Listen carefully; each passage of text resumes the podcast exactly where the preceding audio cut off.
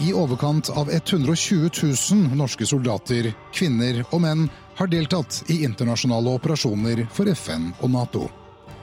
Norske soldater har utvist stort mot og profesjonalitet i krevende situasjoner. De har tjenestegjort på land, til sjøs og i luften. Noen kom ikke hjem.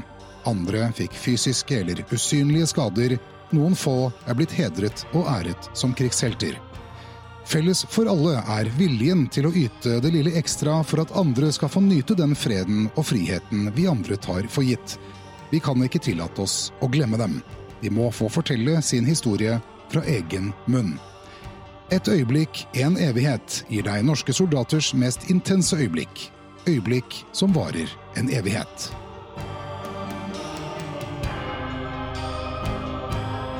Sånn at jeg evner å, å slå tilbake fienden eh, og frem til at laget kom, kom til unnsetning og vi klarte å, å bekjempe dem og, og da overleve den natta.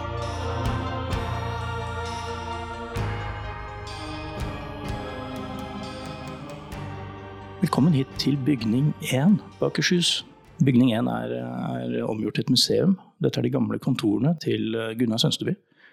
Her er også en opptegnelse over alle som har mottatt uh, krigskorset. Med meg her i, uh, i, dag så har jeg kommandør uh, Ronny Christoffersen. Velkommen til deg. Tusen takk. Du er akkurat nå sjef på Madla. Ja. Det er jo egentlig en båt, er det ikke det? Eh, Harald Hårfagre er egentlig en båt. Så, men eh, KNM Harald Hårfagre som avdeling er jo en eh, rekruttskole og en landavdeling. Er litt spesielt å sitte her i dag, Ronny. Vi skal, vi skal, snakke om alvorlige ting. Men før det så må vi nesten se oss rundt og, og suge litt inn atmosfæren her. Nå er vi jo dypt inne i krigshistorien. Det er litt, det er litt kult. Ja, det er, det er fascinerende å, å, sitte her og se på montrene og på veggene og og se krigshistorien og se Gunnar Sønsteby sine medaljer og, og sine eiendeler er her, så det, det, det, er stort, en stor ære å bare være inne i bygninga. Det er absolutt det. Så jeg, jeg har truffet Gunnar Sundsteby ved et par anledninger, og, og, det er jo selvsagt en mann som man eh, er fascinert over og beundrer stort. Ja, det er jo en som setter spor eh, etter seg, kan du si. Men, men det har for så vidt du gjort òg. Du ble skutt. Ja. Det er det vi skal egentlig snakke om. Men før vi kommer så langt altså, Du har jo vært i, i, i Forsvaret i årevis, mange år. Hva trakk deg dit, liksom? I utgangspunktet så skulle jeg ikke jeg hadde ikke en plan om å starte å jobbe i Forsvaret, men eh, jeg starta i 1993 på, på garnisonen i Porsanger på utskrevet sersjantkurs. Det da ni måneder med befalsskole og tre måneder med plikttjeneste etterpå. Og uh, da fant jeg fort ut at dette likte jeg veldig, veldig godt. Og så fikk jeg engasjement videre, og så har jeg egentlig bare fortsatt med et yrke som, som jeg virkelig stortrives i. Og du kom over i, i Kystjegerkommandoen? Ja. Først var jeg fire år i Hæren. Og hadde både infanterist og var i det som kaltes Jegerkompaniet der. Og eh, etter fire år så starta jeg på Luftkrigsskolen. Jeg tenkte jeg skulle gjøre noe nytt. Og så var jeg, gikk jeg Luftkrigsskolen og var noen år i luftvern. Og så ble jeg litt rastløs der og ønska å komme tilbake til en type jegertjeneste. Og da dro jeg over til Kystjegerkommandoen i Harstad og, og har til sammen vært der i tolv år. Ja, Så du har egentlig vært innom eh, stort sett alt vi har av, av våpengrener, da. Så du har prøvd litt av hvert? Ja. Her, luft og sjø. Ja. Og, men det var som, som uh, avdeling i Kystjegerkommandoen dere dro til Afghanistan? Ja, det stemmer. I 2007 så så dro jeg og en patrulje på til sammen sju til Afghanistan. Det var, det var ei urolig tid når vi kom ned dit. og da Natt til 17. juni så, så uh, fikk vi i oppdrag å, å overvåke en landsby mot et mulig Taliban-angrep. Og, og det, det, hadde vi hørt før. Det er jo litt sånn at uh, det går mange rykter og, og, sånt, og landsbyen tar kontakt og ønsker, at, uh, ønsker hjelp. Og det gjorde vi denne natta. og det var da natta de, de, virkelig prøvde å ta oss i et bakhold, og da ble jeg da skutt på, på ti meter i, i skuldra. Ti meter sånn, det begynner å bli intimt? Da er, det, da er det veldig nært. Da er det sånn at du ser ansiktene og, og ser, ser, øynene. og, og eh, Men Ante dere noe om at det var i gang med, med noe, eller kom det helt brått på? Altså, du var, det bare smalt, og så ble du skutt først, og så satt satt dette her i gang? Det var mye som rørte seg, det var det. Så vi var litt eh, mer eh, skeptisk til det oppdraget enn vi var tidligere, med rapporter vi hadde fått inn og ting vi hadde vært eh, med på i forkant. Så, så, eh, og i ettertid av historien så ser vi også at det er noen indikatorer som på en måte vi så da, skulle vi eh, ta det og tenke litt mer på. For det, det kom ikke helt ut av det blå, men eh, samtidig så, så, eh, så kom det som en overraskelse. Så du blir skutt. Du er eh, naturlig nok eh, litt satt ut, men, eh, men, du var ikke slått ut? Nei, jeg ble eh, heldigvis truffet i eh, skuldra, og, og jeg fikk ikke store eh, skader. Sånn at jeg, evna å, å, slå tilbake fienden og frem til at laget kom, kom til unnsetning, og vi klarte å, å bekjempe dem og, og da overleve den natta. Ja, altså, hvor lenge holdt dette på? Selve det som uh, skjedde der, der framme, for jeg gikk på en, en streifpatrulje, så jeg var da uh, vi, vi, hadde vært ute en ganske lang periode, så, så vi hadde kun én vaktpost. Det skulle vi selvfølgelig nå i ettertid eh, tenkt at vi hadde, skulle hatt flere vaktposter på, men, men jeg gikk vakt og uh, traff da de til sammen åtte stykkene og tre på ti meter. Så, og selve ildgivinga og, og kampen der framme varte fire-fem minutter. Og så eh, kommer man tilbake til laget, og så, så fortsatte det da egentlig med å beholde, beholde den stillinga vår utover natta og fram til grålysninga før vi trekte oss ut. Så selve ildgivinga og kampen foregikk fire-fem minutter, og så måtte vi være i, i, posisjon for å løse oppdraget og gjøre oss klar til å dra tilbake. Vi torde ikke å dra med en gang. Eh, det, plutselig så er det noen som er i bakhold og så på vei ut, og så får du en enda, enda større sak. Og vi fikk heller ikke evakuering av helikopter. Det var utrygt, og det var natt, så der ble vi liggende til noen timer. Det må ha vært en ganske apart følelse å ligge der um, når du var såret og ting begynte å roe seg kanskje litt, eller du var sånn halvveis av, halvveis på? Ja, det var um, Når på en måte den, uh, den verste adrenalin var lagt seg, så, og du begynte å reflektere og tenke over hva, hva hvordan kunne dette ha gått? Så var det både smertefullt for at man var skutt, og det var ei påkjenning eh, psykisk fordi at eh, tankene begynte å gå. Så eh, det var, det var, noen, det var noen, tøffe timer fra, fra midnatt og til grålysninga i 7-8-tida der. Det var, det var, det Men så ble du trukket ut, og du, du fikk jo behandling ja, da, heldigvis så, så, kunne patruljen eh, vi, vi, trenes veldig i å mestre sanitet, så jeg ble lappa godt sammen eh, i stilling og fikk antibiotika intramuskulært for å unngå infeksjoner. Og, og eh, når vi da trakk oss ut, så ble vi møtt av en så de, det de sendte ut fra Mimane for å hjelpe oss medisinsk, og så dro vi inn til leiren, og der sto en Hercules og venta på meg og fløy meg til Mazar el-Sharif, og da ble jeg operert der. da. Jeg tenker, Da er vi over et annet modus når dette har skjedd. Da, da er du ikke lenger en operativ person på bakken, da er du plutselig blitt pasient. Ja, det er spesielt den, den biten fra, fra, når man var skutt og man lå der og venta og, og, fortsatt skulle beholde stillinga. Og, og, når vi trekte oss ut, man ble behandla mer, og man dro til sykehuset og ble liggende der så var det liksom, da var fortsatt laget igjen i Mimane. De var på besøk hos meg i, i Masara, men det, det, var faktisk en overraskende eh, plagsom følelse å ikke vite at man var sammen med laget og kunne fortsette å løse oppdrag, men var en pasient på et sykehus og måtte ha behandling. Var du ensom, på en måte? Ja, man, man ble jo ensom. Eh, ikke hadde man familien der, for de var hjemme i Norge, og, og laget var i Mimane og løste fortsatt oppdrag. Og, og eh, heldigvis så, så, fikk jeg en del besøk fra eh, Mazar, fra den leiren som var der, som kom innom og sa hei. Og også noen, eh, en kystjeger, eh, JTAC-patrulje, som også kom innom og, og sa hei. Så, men eh, følelsen av å være skutt og tankene på hva som kunne ha skjedd, eh, gjør sånn at ensomheten blir litt kraftigere. Ja, for du fikk jo selvfølgelig mange, mange timer til å, til å, tenke rundt dette, reflektere og holde på. Når vi begynte å snakke om om dette er sånn, så sa du at én ting er som skjer akkurat der og da, det, hva du gjør uh, stridsteknisk, men, men, nå i ettertid så er det mer den omgivelsene rundt, de tankene du har om det som skjedde rundt, som har, har overtatt mer. Ja, det, det er det. det. Jeg så når jeg kom tilbake, altså både jeg og de rundt meg var veldig opptatt av det stridstekniske. Hva jeg gjorde med våpenet, hva jeg gjorde med magasinene, hvordan, eh, hvordan kjørte jeg drillene. Men det her med refleksjon rundt tanker og følelser og og egentlig hvordan man som person har mestra både det å, å bli skutt sjøl og det å måtte skyte andre, og, og, det å komme tilbake igjen til en familie som, som vet at du er blitt skutt, og det med samfunnet rundt deg som vet hva du har vært ute for, som gjør sånn at de egentlig tenker at du, du burde ha noen reaksjoner og større enn det du har rundt det som har skjedd. Så refleksjonene blir mange, og gjennom årene som har gått, så så lærer man mye på hvordan man sjøl tenker, og hvordan kroppen reagerer, og hvordan de rundt deg tenker rundt det du har vært eh, med på. Og eh, jeg har jo, jeg har jo fortalt og denne historien flere ganger, og hver gang så tar han en ny retning. Kommer an på både hvordan kroppen og hodet mitt responderer, og, og de jeg prater med. Så, så, det er mye refleksjon og, og tanker rundt det. Og, men det som er spesielt, er at det meste er positivt. Det er positive tanker positive refleksjoner og masse lærdom. Og så er det også av og til selvfølgelig eh, tøffe refleksjoner og, og, eh, og, slitsomme refleksjoner. Det er det. Vi kan jo tenke oss situasjoner der som du nå i ettertid må ha tenkt masse på. F.eks.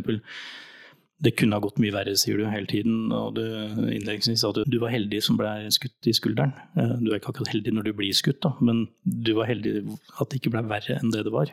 For du har jo vært men etter dette her? Ja, jeg har, ei, skulder som plager meg ganske mye. Skulder er en kompleks eh, kroppsdel som styrer mye av eh, ryggen og det du gjør. sånn at eh, når du da har en varig skade og har både nerve- og muskelsmerter, så, så, så, plager det deg til daglig. Og så er det viktig å tenke, å være positiv og tenke at alternativet har vært mye verre. Hadde det ikke vært skuldre, men det hadde vært hodet eller noe annet, så hadde jeg faktisk vært død. Så det er, den, det er den eh, positiviteten man må ta med seg. Og så har jeg en, en, sterk og god familie som støtter meg. Jeg har en fantastisk jobb i Forsvaret som, som der jobben også er en hobbyen min. Så, så i sum så, er, så, blir livet veldig bra. Ja, fordi jeg tenker for, um, for mange som hører på nå, så, så, virker dette her med å bli skutt ganske abstrakt. Det er noe vi stort sett ser på film. Og, men i virkeligheten er det ikke sånn at uh, du bare ruller deg i dekning og tar en liten røyk før du knaller ned indianerne under jubelrop. Det, det, er ikke helt sånn.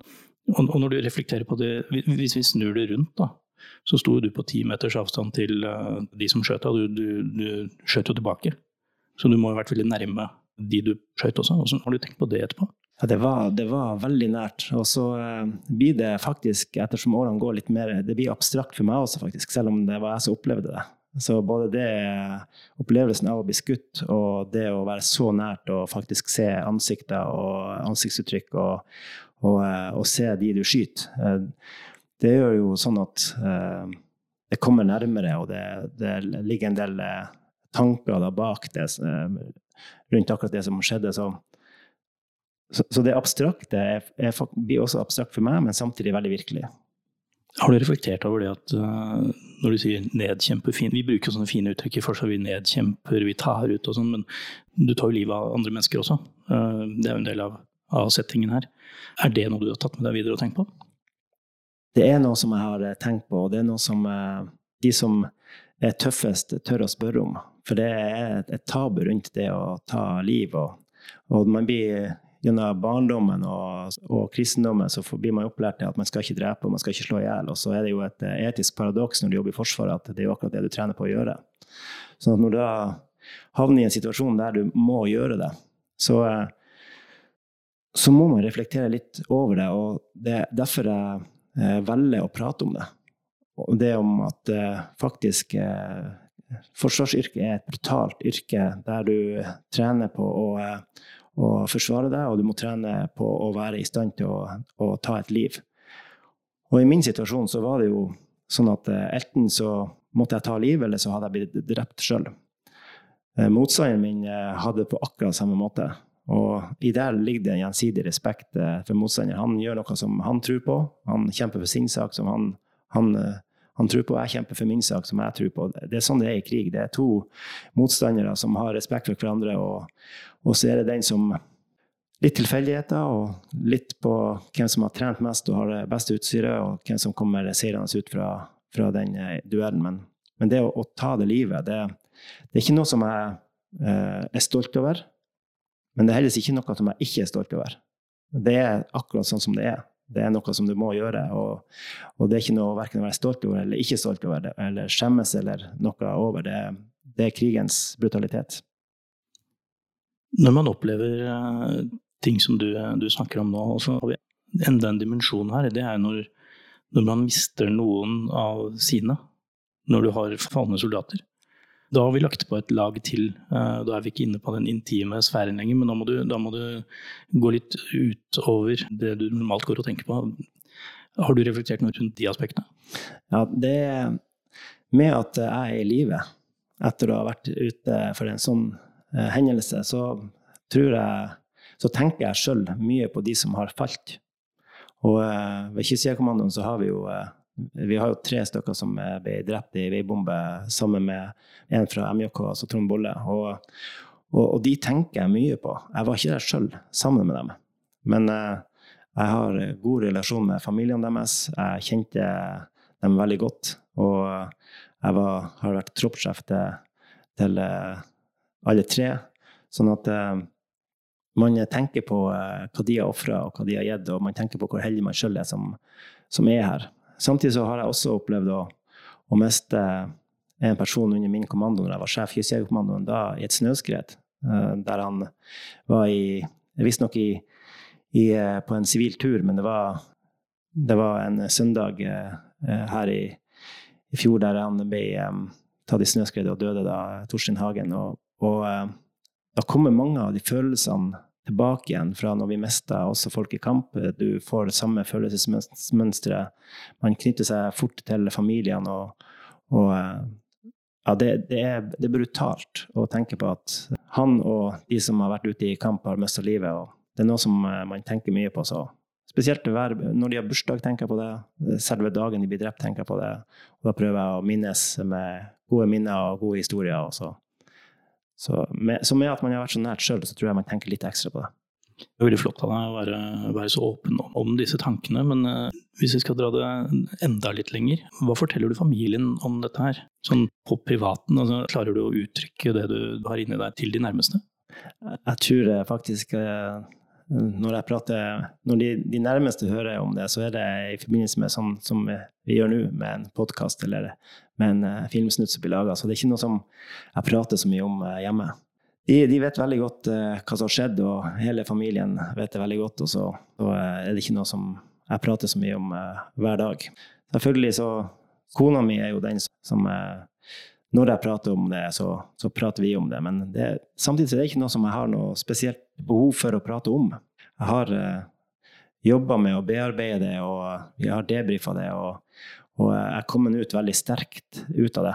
Og det er takket være et godt støtteapparat og et forsvar som eh, alltid har støtta meg og, og tilrettelagt. Og, så jeg er både en sterkere porsjon og et bedre menneske, tror jeg sjøl. Ja, for du sier jo at uh, dette har vært en positiv ting. Du bruker alltid ordet positivt, dette er bra, dette er ja, i det hele tatt, eh, Du drar ikke fram noen negative sider med det som har skjedd. Du er en positiv person, det, det, vet jeg jo. Men hvordan klarer du det? Hvordan klarer du å snu en sånn hendelse hvor, hvor mange andre ville gravd seg ned i depresjoner og sett veldig mørkt på det? Så har du snudd det til noe som er, er veldig bra. Du har gjort en fabelaktig karriere etter dette her også. Hvordan har du gått fram for å løse det? Jeg tror det er litt på eh, det, det ene er hvor godt forberedt vi var før vi dro. Sånn at man uh, håper på det beste, men forbereder seg på det verste. Og så er det litt av hvordan man er som, uh, av personlighet, tror jeg. Rett og slett fra barndommen. Uh, jeg har alltid vært en positiv kar. Sånn at um, det å prøve å ta med seg den positiviteten og se lys på livet, det tror jeg er med på at man skal faktisk komme seg sterkt gjennom det. Og så skal jeg være så ærlig å innrømme at eh, når skaden plager meg som verst, og jeg har eh, som ondest i skuldra, så eh, har jeg negative dager også, fordi at man er sliten og trøtt pga. at man har mye, mye smerte i skuldra. Men da, det er da man tar seg en god løpetur og lufter hjernen sin litt, og, så, og tenker på hvor flott man har det, og så, og så er alt positivt igjen. Så jeg tror et positivt syn på livet og det å være til stede og, og vite hva man har, og det er det som er det spesielle med å ha opplevd sånne ting, og det å ha vært i andre land og vært depliert til Afghanistan og, og Syria, og, som jeg har vært, det er at da setter man virkelig pris på det man har hjemme, for vi har det så utrolig flott i, i Norge at, at, eh, det i seg sjøl gjør at man må være positiv. Hvor mye av disse opplevelsene og tankene og de der, den, si, den, fantastiske innstillingen du har. Eh, bruker du det nå i, i det daglige på Madla til å snakke med, om det med rekruttene dine?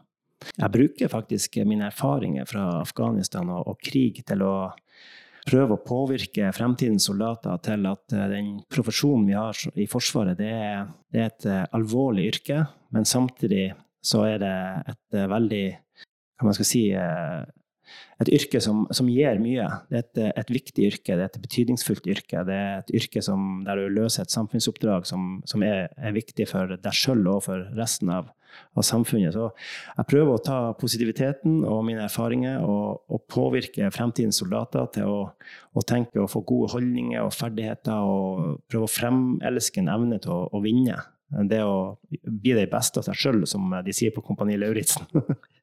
så det er mye sant i det. Så, sånn at, eh, og det er også derfor jeg, velger å, å, fortelle min historie.